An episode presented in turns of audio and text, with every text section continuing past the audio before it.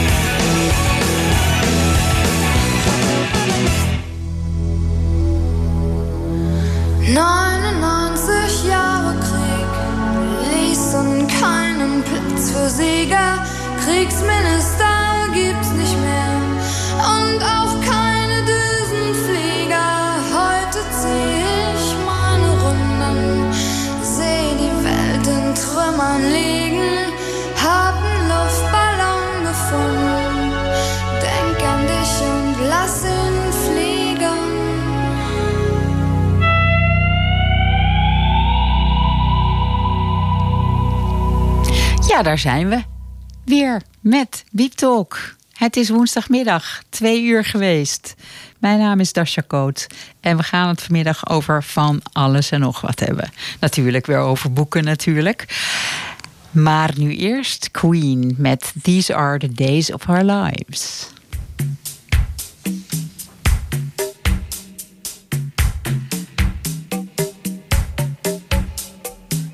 Sometimes I get to feeling ago. When we were kids, when we were young, things seemed so perfect, you know. The days were endless, we were crazy, we were young. The sun was always shining, we just lived for fun. Sometimes it seems like lately, I just don't know. The rest of my life's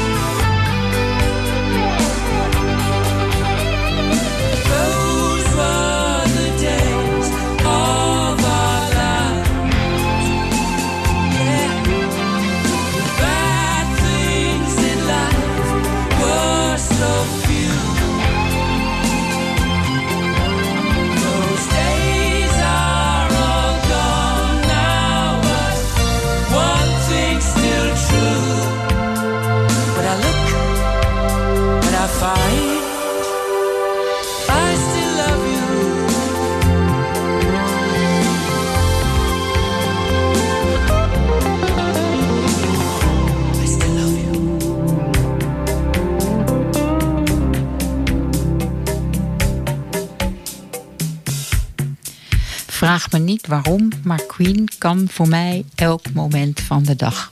Bijna elk moment van de dag. Of misschien toch gewoon elk moment van de dag. Enfin.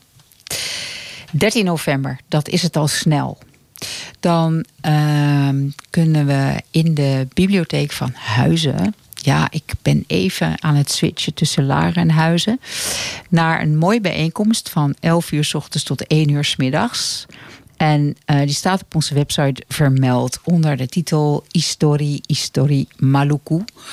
Uh, en wel omdat 70 jaar geleden de eerste Molukkers voet aan bal zetten in Nederland.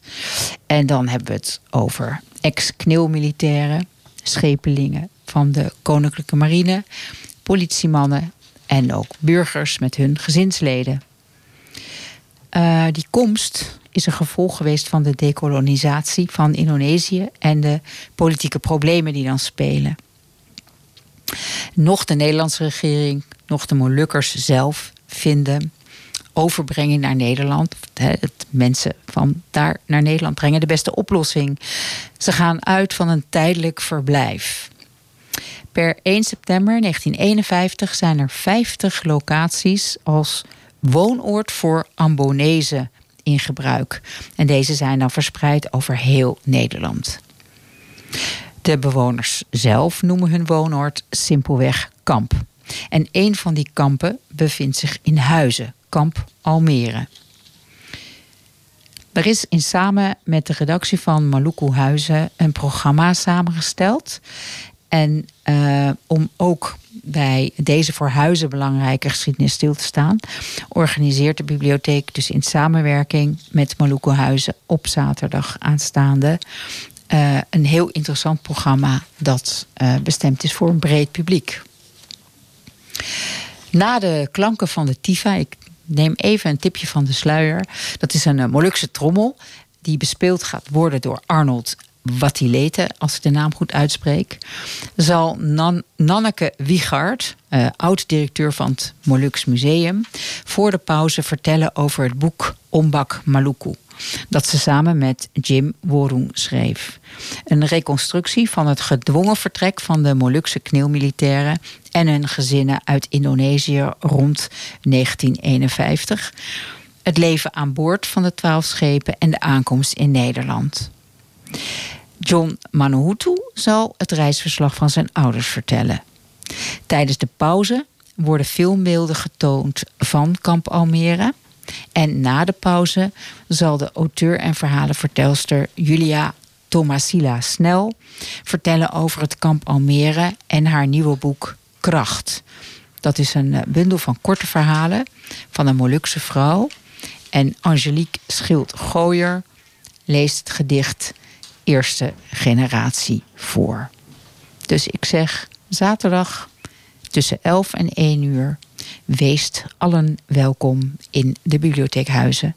Entree is een kleine prijs, 5 euro. Inclusief kopje koffie of thee met een heerlijk Molux koekje of cake erbij.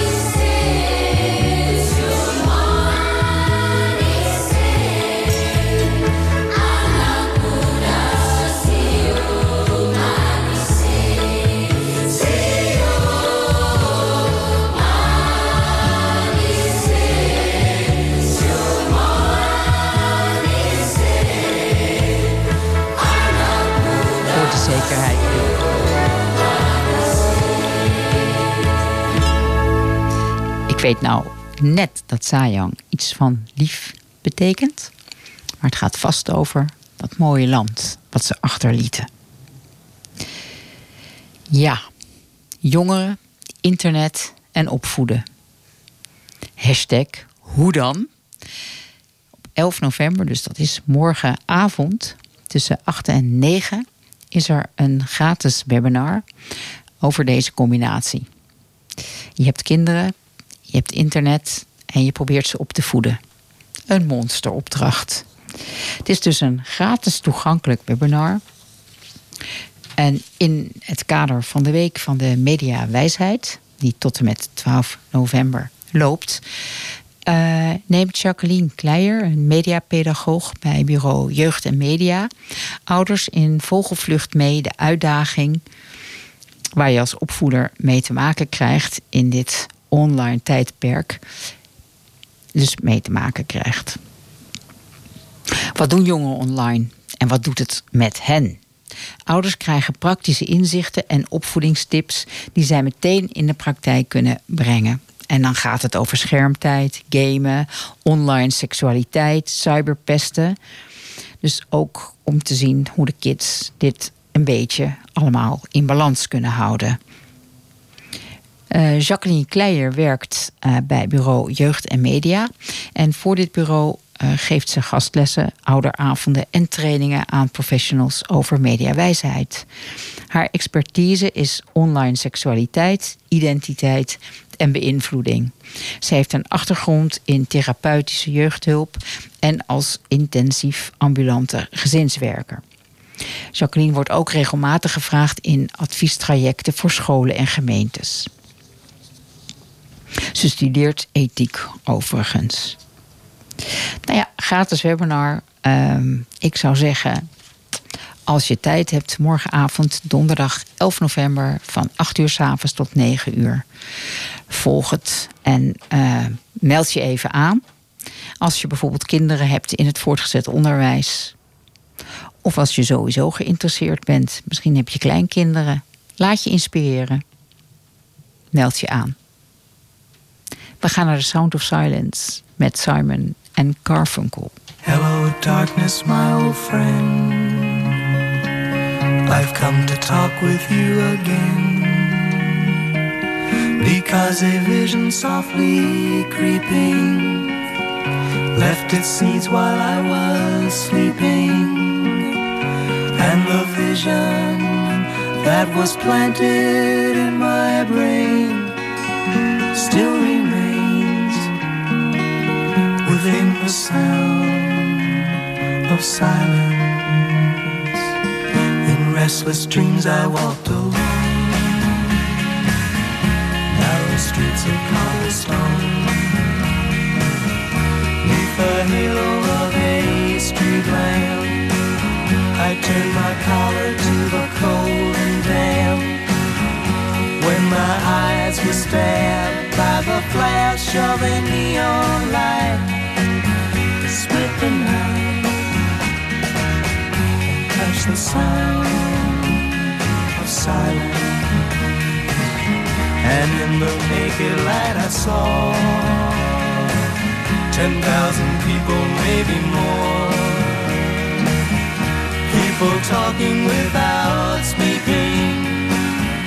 People hearing without listening. People writing songs voices never share. No one did disturb the sound of silence. Fool said I, you do not know silence like a cancer grows. Hear my words that I might teach you. Take my arms that I might reach you.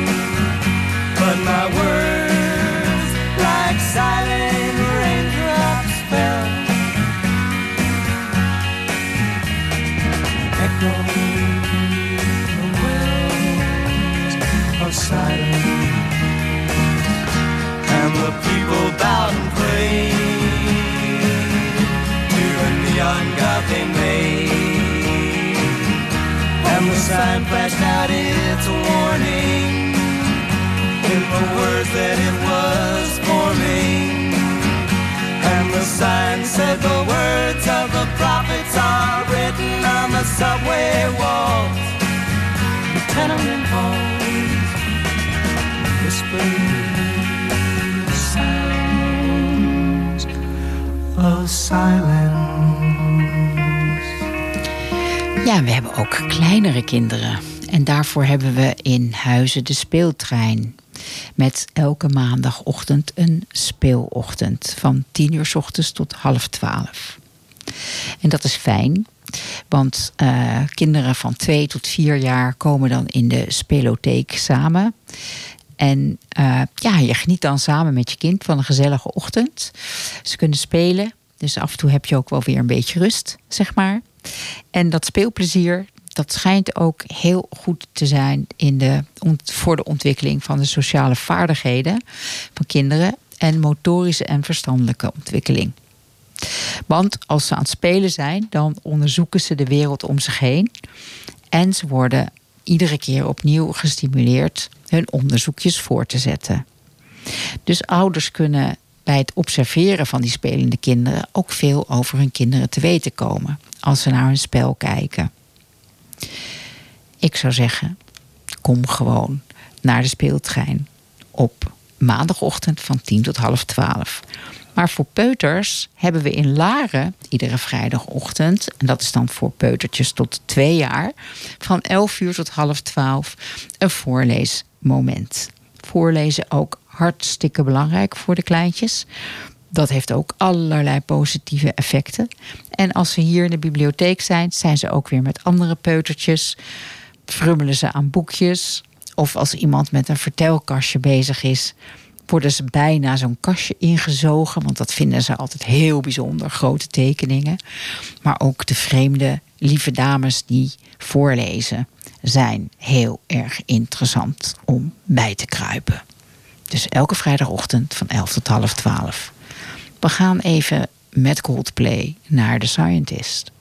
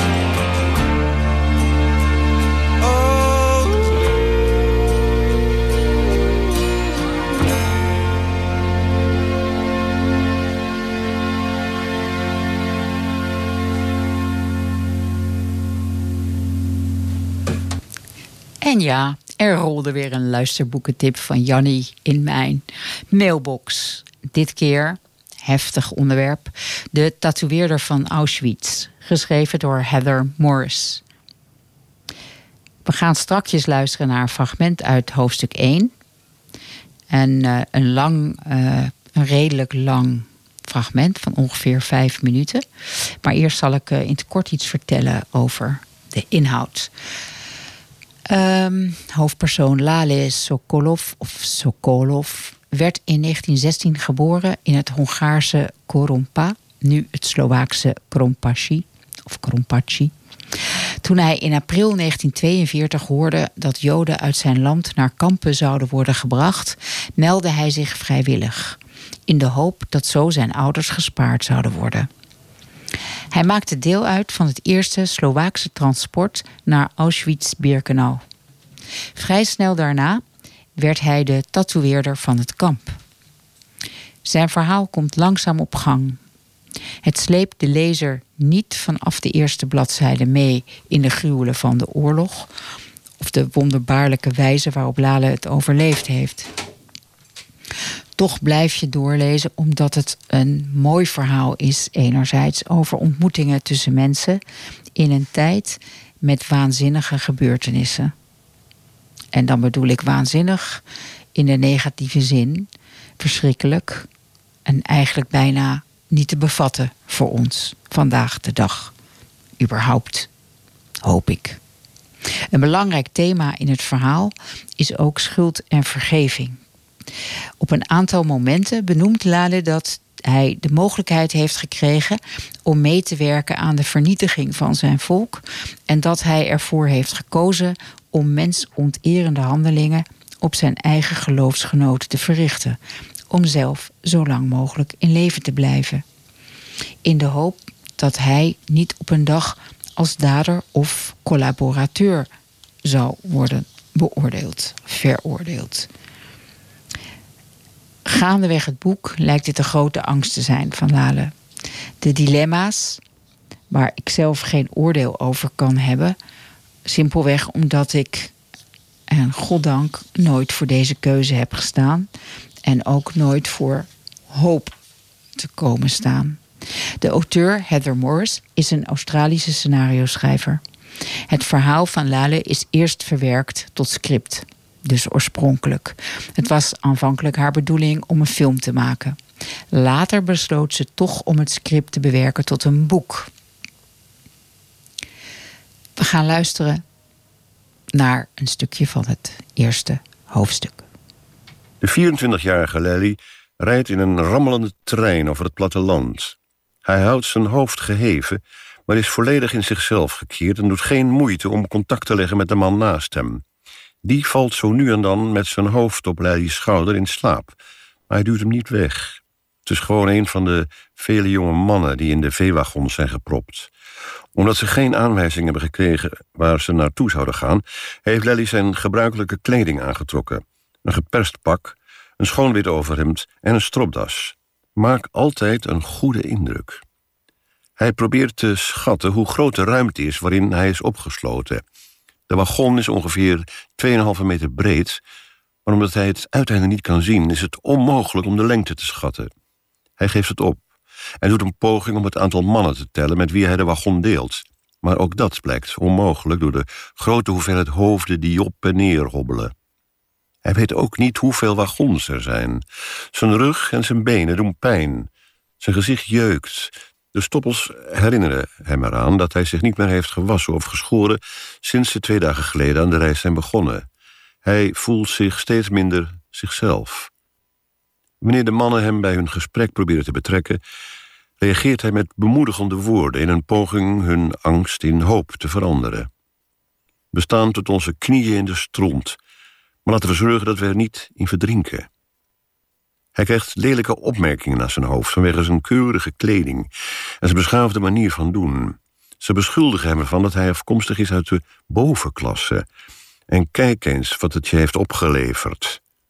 Hij probeert de woorden van zich af te laten glijden en een vijandige blikken met een glimlach te beantwoorden. Wie houd ik nou voor de gek? Ik ben net zo bang als de anderen. Een jonge man zoekt oogcontact en wringt zich tussen de drom van lichamen door om bij hem te komen. Sommige mannen geven hem een duw of een por. Het is pas je eigen ruimte als jij die ruimte claimt. Hoe kun je zo rustig blijven? vraagt de jongeman. Ze hadden geweren. Die rotzakken hielden ons onder schot en dwongen ons om in deze veewagons te klimmen. Lely glimlacht. Het is ook niet bepaald wat ik had verwacht. Waar denk je dat ze ons naartoe brengen? Dat doet er niet toe. Onthoud gewoon dat we hier zijn om onze families te beschermen. Maar wat als. Het heeft geen zin om je dat af te vragen. Ik weet het niet, jij weet het niet, we weten het geen van allen. Laten we gewoon doen wat ze ons opdragen. Wij zijn in de meerderheid. Zullen we proberen om ze te overmeesteren wanneer de trein stopt? Het bleke gezicht van de jongeman is vertrokken van verwarde agressie. Hij balt zijn vuisten en maakt een pathetisch boksend gebaar. Wij hebben vuisten, ze hebben geweren. Wie denk je dat er gaat winnen? De jongeman zwijgt even. Zijn schouder drukt tegen Lely's borst en Lely ruikt de olie en het zweet in zijn haar.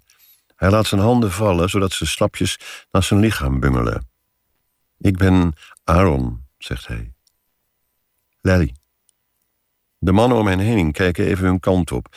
En dan vervallen ze weer in hun zwijgende overpeinzingen. Wat ze met elkaar gemeen hebben is angst en jeugd en hun godsdienst. Lely doet zijn best om niet te speculeren over datgene wat hen te wachten staat. Ze hebben hem verteld dat hij voor de Duitsers gaat werken. En dat is dan ook wat hij van plan is te doen. Hij denkt aan zijn familie. Zij zijn veilig. Hij heeft het offer gebracht en daar heeft hij geen spijt van. Hij zou het direct weer doen, zodat zijn dierbare familieleden thuis konden blijven en niet van elkaar gescheiden zouden worden. Zo'n beetje elk uur, zo lijkt het, stellen ze hem dezelfde vragen. Wanneer hij het zat begint te worden, antwoordt hij: Wacht nou maar gewoon af. Hij begrijpt niet waarom ze juist bij hem komen met hun vragen. Hij weet niet meer dan de anderen. Ja, hij draagt een pak en een das, maar dat is het enige zichtbare verschil tussen hem en de mannen om hem heen. We zitten allemaal in hetzelfde smerige schuitje. Ze kunnen niet zitten in de overvolle wagon, laat staan liggen. Twee emmers doen dienst als toilet. Wanneer die vol raken, breekt er een schermutseling uit... omdat niemand in de buurt van de stank wil staan. De emmers worden omgestoten en de inhoud stroomt over de vloer van de wagon. Lely houdt zijn koffer stevig vast, hopend dat hij zich met zijn geld en zijn kleren vrij kan kopen wanneer ze op de plek van bestemming zijn, of dat hij er op zijn minst een goed baantje mee kan regelen.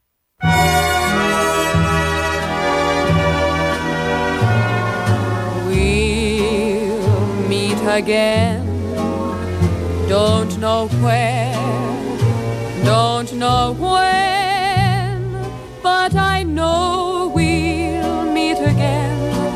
some sunny day.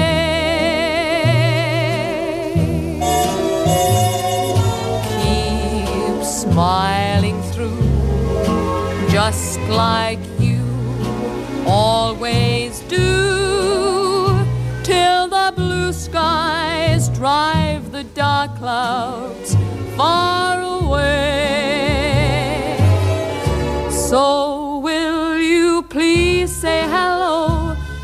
folks that I know, tell them I won't be long. They'll be happy to know that as you saw me go, I was singing this song. We'll meet again. Don't know where,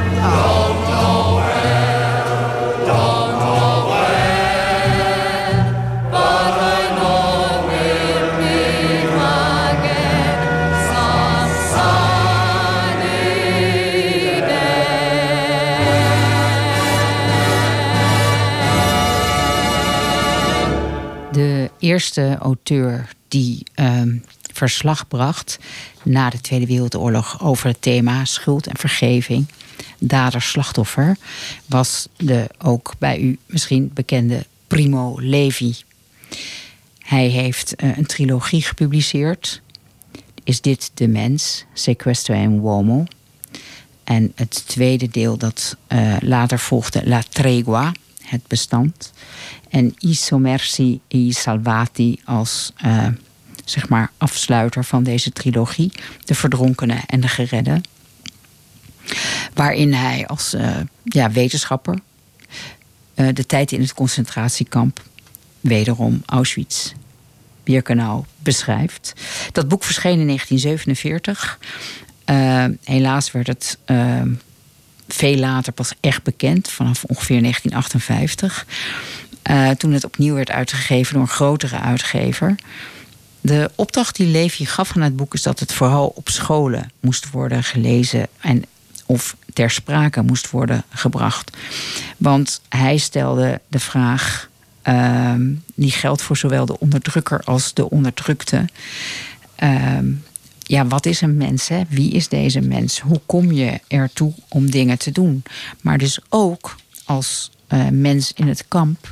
Eh, hij vertelt in een van de boeken uit deze trilogie dat hij een, eh, een kraantje dat lekte ontdekte.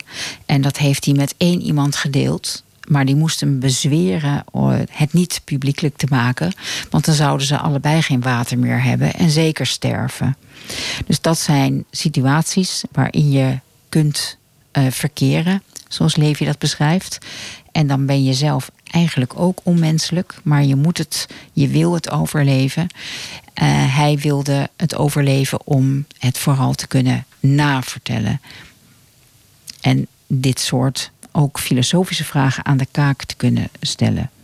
Dus ehm, mocht het u interesseren, Primo Levi heeft een hoop geschreven over dit thema. En ehm, in combinatie met zijn chemische achtergrond, chemicus. Hij bestond niet uit een chemische formule, maar chemische achtergrond, chemie gestudeerd. Ehm, dat vind je daar ook weer in terug. En ehm, ja, ook over de, eh, het Joodse deel van de bevolking in de 19e en de vroeg 20e eeuw in Piemonte. Dus het geïsoleerde bestaan ook van deze mensen.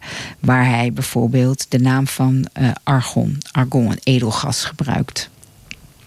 als symbool, metafoor voor die eenzaamheid. Ehm, ik vond het moeilijk om hier muziek bij te vinden. En er is voor mij altijd maar één stuk wat, eh, nou ja, zeg maar de inhoud een beetje recht doet. En dat is voor mij de derde symfonie van Gorecki. En eh, het is een kort stukje wat we laten horen. Nou ja, wel vijf minuten.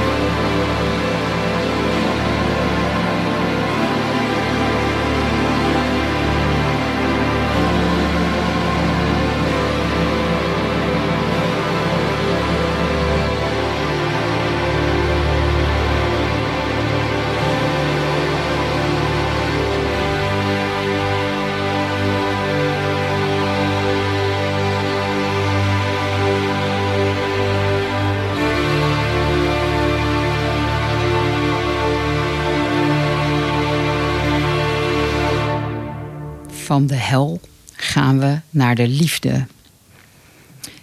Abrupte overgang.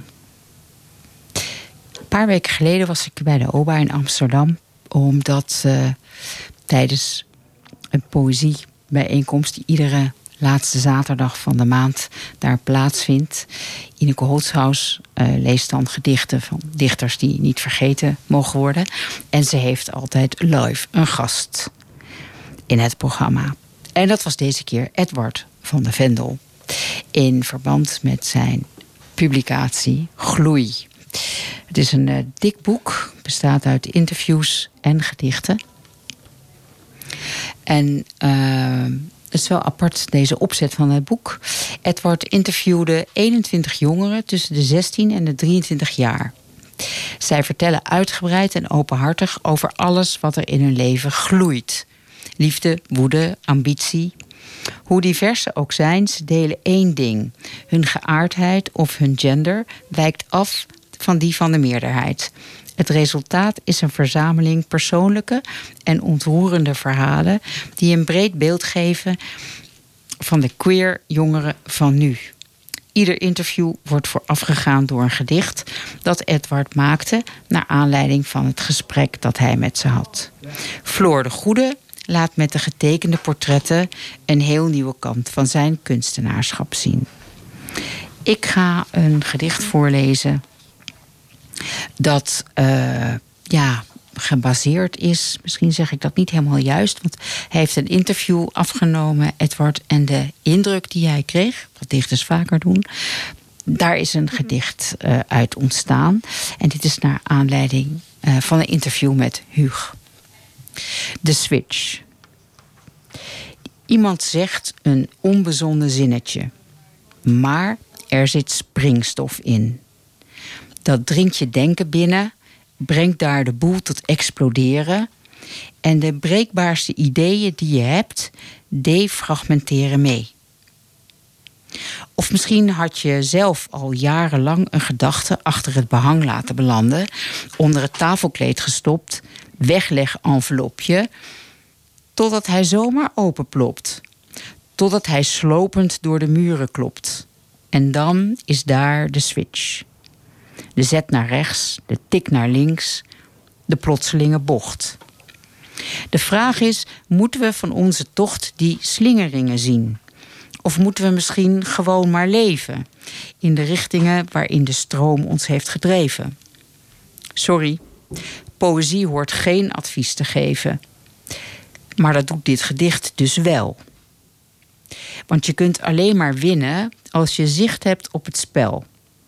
En pas als je op de plattegrond hebt kunnen vinden hoe je route is gegaan, hoef je niet meer stil te staan of doelloos rond te lopen. Daarom, stel je hersencellen open. Waar kwam je vandaan en waar wil je nog heen? Traceer je eigen afslag en neem die. En die alleen.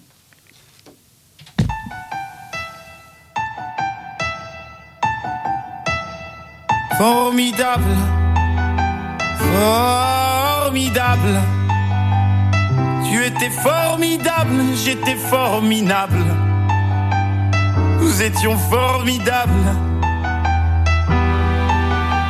Formidable. Tu étais formidable, j'étais formidable. Nous étions formidables. Oh bébé. Oups, mademoiselle, je vais pas vous draguer. Promis, juré, je suis célibataire depuis hier, putain. Je peux pas faire d'enfant et bon, c'est pas, hé, reviens, 5 minutes quoi. Je t'ai pas insulté, je suis poli, courtois et un peu fort bourré. Mais pour les mecs comme moi, avez autre chose à faire. Hein. M'auriez vu hier, j'étais formidable. Formidable. Tu étais formidable, j'étais formidable. Nous étions formidables. Formidable. Tu étais formidable, j'étais formidable. Étions formidables. Oh, tu t'es regardé, tu te crois beau parce que tu t'es marié. Mais c'est qu'un anneau, mec t'emballe pas. Elle va te larguer comme elles le font chaque fois. Et puis l'autre fille, tu lui en as parlé. Si tu veux, je lui dis, comme ça c'est réglé. Et aux petits aussi, enfin si vous en avez. Attends 3 ans, 7 ans et là vous verrez si c'est formidable. Formidable. Tu étais formidable, j'étais formidable. Nous étions formidables. Formidable. Tu étais formidable, j'étais formidable. Nous étions formidables. Hé petite, un pardon petit. Tu sais dans la vie, y a ni méchant ni gentil. Si maman est chiante, c'est qu'elle a peur d'être mamie. Si papa trompe maman, c'est parce que maman vieillit, tiens. Pourquoi t'es tout rouge? Bah reviens gamin. Et qu'est-ce que vous avez tous à me regarder comme un singe, vous? Ah oui, vous êtes sains, vous. Bande de macaques, donnez-moi un bébé singe, il sera formidable. Formidable. Tu étais formidable, j'étais formidable. Nous étions formidables. Formidable. Tu étais formidable, j'étais formidable. Nous étions formidables.